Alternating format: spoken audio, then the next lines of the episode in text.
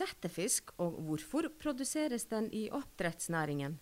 Ny rapport viser at ansatte på settefiskanleggene har mange ulike meninger om hvordan ivareta fiskevelferden. Men hva er viktig for å lykkes med velferdsarbeidet i settefiskproduksjonen? Til å svare på dette og mer har jeg fått besøk av Britt Tørud, som er fagansvarlig fiskehelse ved Veterinærinstituttet. Velkommen til Vettpotten, Veterinærinstituttets podkast for deg som er opptatt av god dyrehelse og velferd hos både landdyr og fisk, mattrygghet, klima og miljø. Jeg heter Brindis Holm og er kommunikasjonsrådgiver ved Veterinærinstituttet og programleder for podkasten. Velkommen, Britt. Takk. Du har fått deg en kaffekopp, og du er klar til å prate litt om dette her? Ja da. Veldig bra. Men jeg har veldig lyst til å høre bare først uh, kan du forklare hva settefisk er? Ja, det er det første stadiet i laksens liv. Og under naturlige forhold så foregår det i elva. Og vår settefiskproduksjon da, den foregår i anlegg på land, rett og slett. Og for det meste i ferskvann, da. Men hva er årsaken til at du er så opptatt av uh, settefisken? Det er fordi at jeg vil se på hele livsløpet til laksen. Så jeg mener at uh, barndommen den er jo viktig. Og jeg har trua på at en god barndom gir bedre utsikter for å gjøre det bra seinere i livet. Veldig bra. Og hvordan uh, er helsen og velferden hos uh, settefisken i Norge? Det er uh, mye bra settefisk òg, men det viser seg når vi ser på dødelighetstall, at det er veldig store variasjoner mellom anleggene. Og det betyr jo at det er mange som kan forbedre seg. Nå er det jo ikke riktig å måle velferd bare i dødelighet, men vi vet jo at når fisken dør, så har den jo vært utsatt for dårlig velferd på forhånd. Slik at uh, vi har ikke kommet lenger enn at vi bruker dødelighet som et mål. Uh, nylig så ble fiskehelserapporten for 2020 eh, lansert. Og, og der uh, presenterte du uh, rapport som uh, handler om dette her. Kan du fortelle oss litt om bakgrunnen for og om arbeidet som dere har gjort sammen med NTNU samfunnsforskning for å finne ut hva er viktig for å lykkes med velferdsarbeidet i settefiskproduksjonen? Ja, men først så vil jeg si litt om det som ligger bak det prosjektet som vi gjennomførte sammen med NTNU samfunnsforskning. Og det var et prosjekt som vi kalte for Småfiskvel.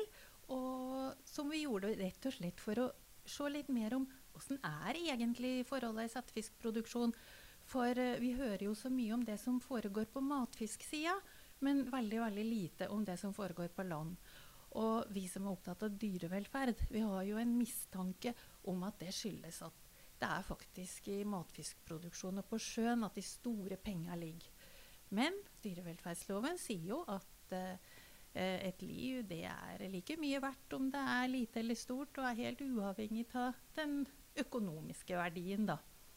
Men uh, jeg ser jo en veldig nøye sammenheng mellom god velferd ifra starten på livet, uh, og at det vil gi et godt grunnlag for en god økonomi seinere. Så egentlig så går jo det med velferd og økonomi litt hånd i hånd, i hvert fall. Nettopp. Og hva, I dette arbeidet, hva, hva, kom dere frem til? Hvordan var synet på fiskevelferd blant de som dere bl.a. intervjua? Eh, nå intervjua vi bare de som var interessert i å bli intervjua og fortelle om situasjonen. Og i og med at vi var ute etter insentiver for eh, fiskevelferdsarbeidet i settefiskproduksjon, så var det jo de positive vi var ute etter òg. Og jeg vil jo si at alle vi intervjua var jo opptatt av fiskevelferd. Eh, det var de enten det var på de som drev og jobba med fisken direkte.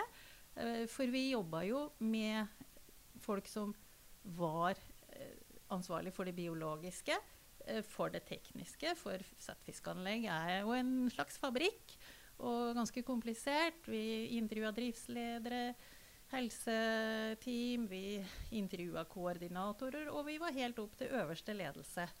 Og alle der mente jo at uh, fiskevelferd var viktig, og at det måtte gjøres i praksis, og at det ikke bare skulle være i sånne fine taler. Men det er nettopp det. Én uh, ting er å si at ja, vi, vi støtter fiskevelferd, og vi uh, vil ha god fiskevelferd. Og vi prater om det. Men er det nok? Hva må til? Uh, det må faktisk til at de som planlegger drift på anleggene, at de erkjenner at fiskevelferd faktisk tar litt tid. Og det inntrykket vi sitter igjen med etter intervjuene våre, så er det ei lønnsom tid. For det å tilpasse produksjon f.eks. til det anlegget du har, det er ganske viktig for å få et godt resultat.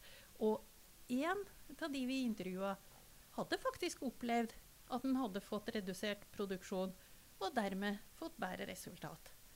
Men eh, de fleste driftsledere vi intervjua, de følte seg veldig i skvis mellom ønsket om å gjøre det gode velferdsarbeidet, eller det aller beste velferdsarbeidet, og trykket fra oven om at de måtte produsere så og så mye til den og den tida. Akkurat. Og I rapporten uh, om dette prosjektet så kommer det bl.a. frem at uh, organisatoriske forhold er viktige for fiskevelferdsarbeidet. Hva ligger i det? Kan du forklare det? Ja, det ligger rett og slett i det fordi at uh, skal du få tid til fiskevelferdsarbeidet, og skal du få tid til å gjøre ting ordentlig og bra, så må jo planene legges deretter. For det er jo sånn i oppdrett at uh, når du har en vekselvarm uh, organisme som du skal produsere på, så kan du jo styre veldig mye med temperatur, du kan styre veldig mye med lys, og da blir det ofte et hardkjør. Og ofte blir jo produksjonen planlagt ut fra det teoretiske. Men det er ikke alltid at biologien gjennom eh, løpet oppfører seg akkurat sånn som teorien skulle tilsi, som at det er behov for litt slakk i produksjon. Men uh, hvordan kan resultatene fra dette arbeidet bidra til videre arbeid med fiskevelferd i settefiskanlegg? Vi håper jo på det at uh, produksjonsplanlegginga, som egentlig er uh, grunnvollen i dette her, at den i større grad blir tilpassa anlegget og de ressursene som er på det enkelte anlegget. Og Det betyr at da kan du ikke legge opp en produksjonsplan bare etter karvolum f.eks., eller gjennomsnittlig vassmengde gjennom året hvis den vassmengden varierer. Så Det er forskjellige sånne ting som er veldig viktig å ta hensyn til. Og det er de enkle tinga som man kanskje må se på aller først. Og Hvordan skal dere følge opp dette fremover? Ja, vi må jo eh, prøve å påvirke ledelsen eh, i flere selskaper til å utdanne de folka som er med på produksjonsplanlegginga, og som har eh, avgjørende myndighet. Vi må gi dem mer kunnskap om fiskevelferd, rett og slett. Men eh, Britt, du har jo jobbet lenge med fisk og, og disse temaene. Hva er det ved fisken som du syns er så fascinerende? Eh, ja, det er jo allerede i starten da, at uh, du har uh, utviklinga av fosteret utafor mora, så du kan faktisk følge med helt ifra start. Og jeg føler jo andakt når jeg ser på øyerogn f.eks. Og når du har klekking og ser de fantastisk fine plommesekkyngla osv. Så videre, sånn, så og det er ikke bare jeg som har det sånn. Veldig mange av de som vi prata med, og som jobber direkte med fisken, de har akkurat de følelsene. De føler at det er sin fisk som de har omsorgen for, og er veldig, veldig opptatt av at det går bra. Og vi hørte jo fra mange at ja, de fikk jo lite tilbakemeldinger fra sjøen kanskje når det gikk bra med den fisken som ble satt ut, men så hørte de det når det gikk dårlig. Så det var jo et savn å få høre åssen arbeidet deres påvirker resultatene i sjø. Da. For alle vil jo at det skal gå bra med de en har stelt med. Veldig bra, Britt Tøre. Tusen takk for samtalen.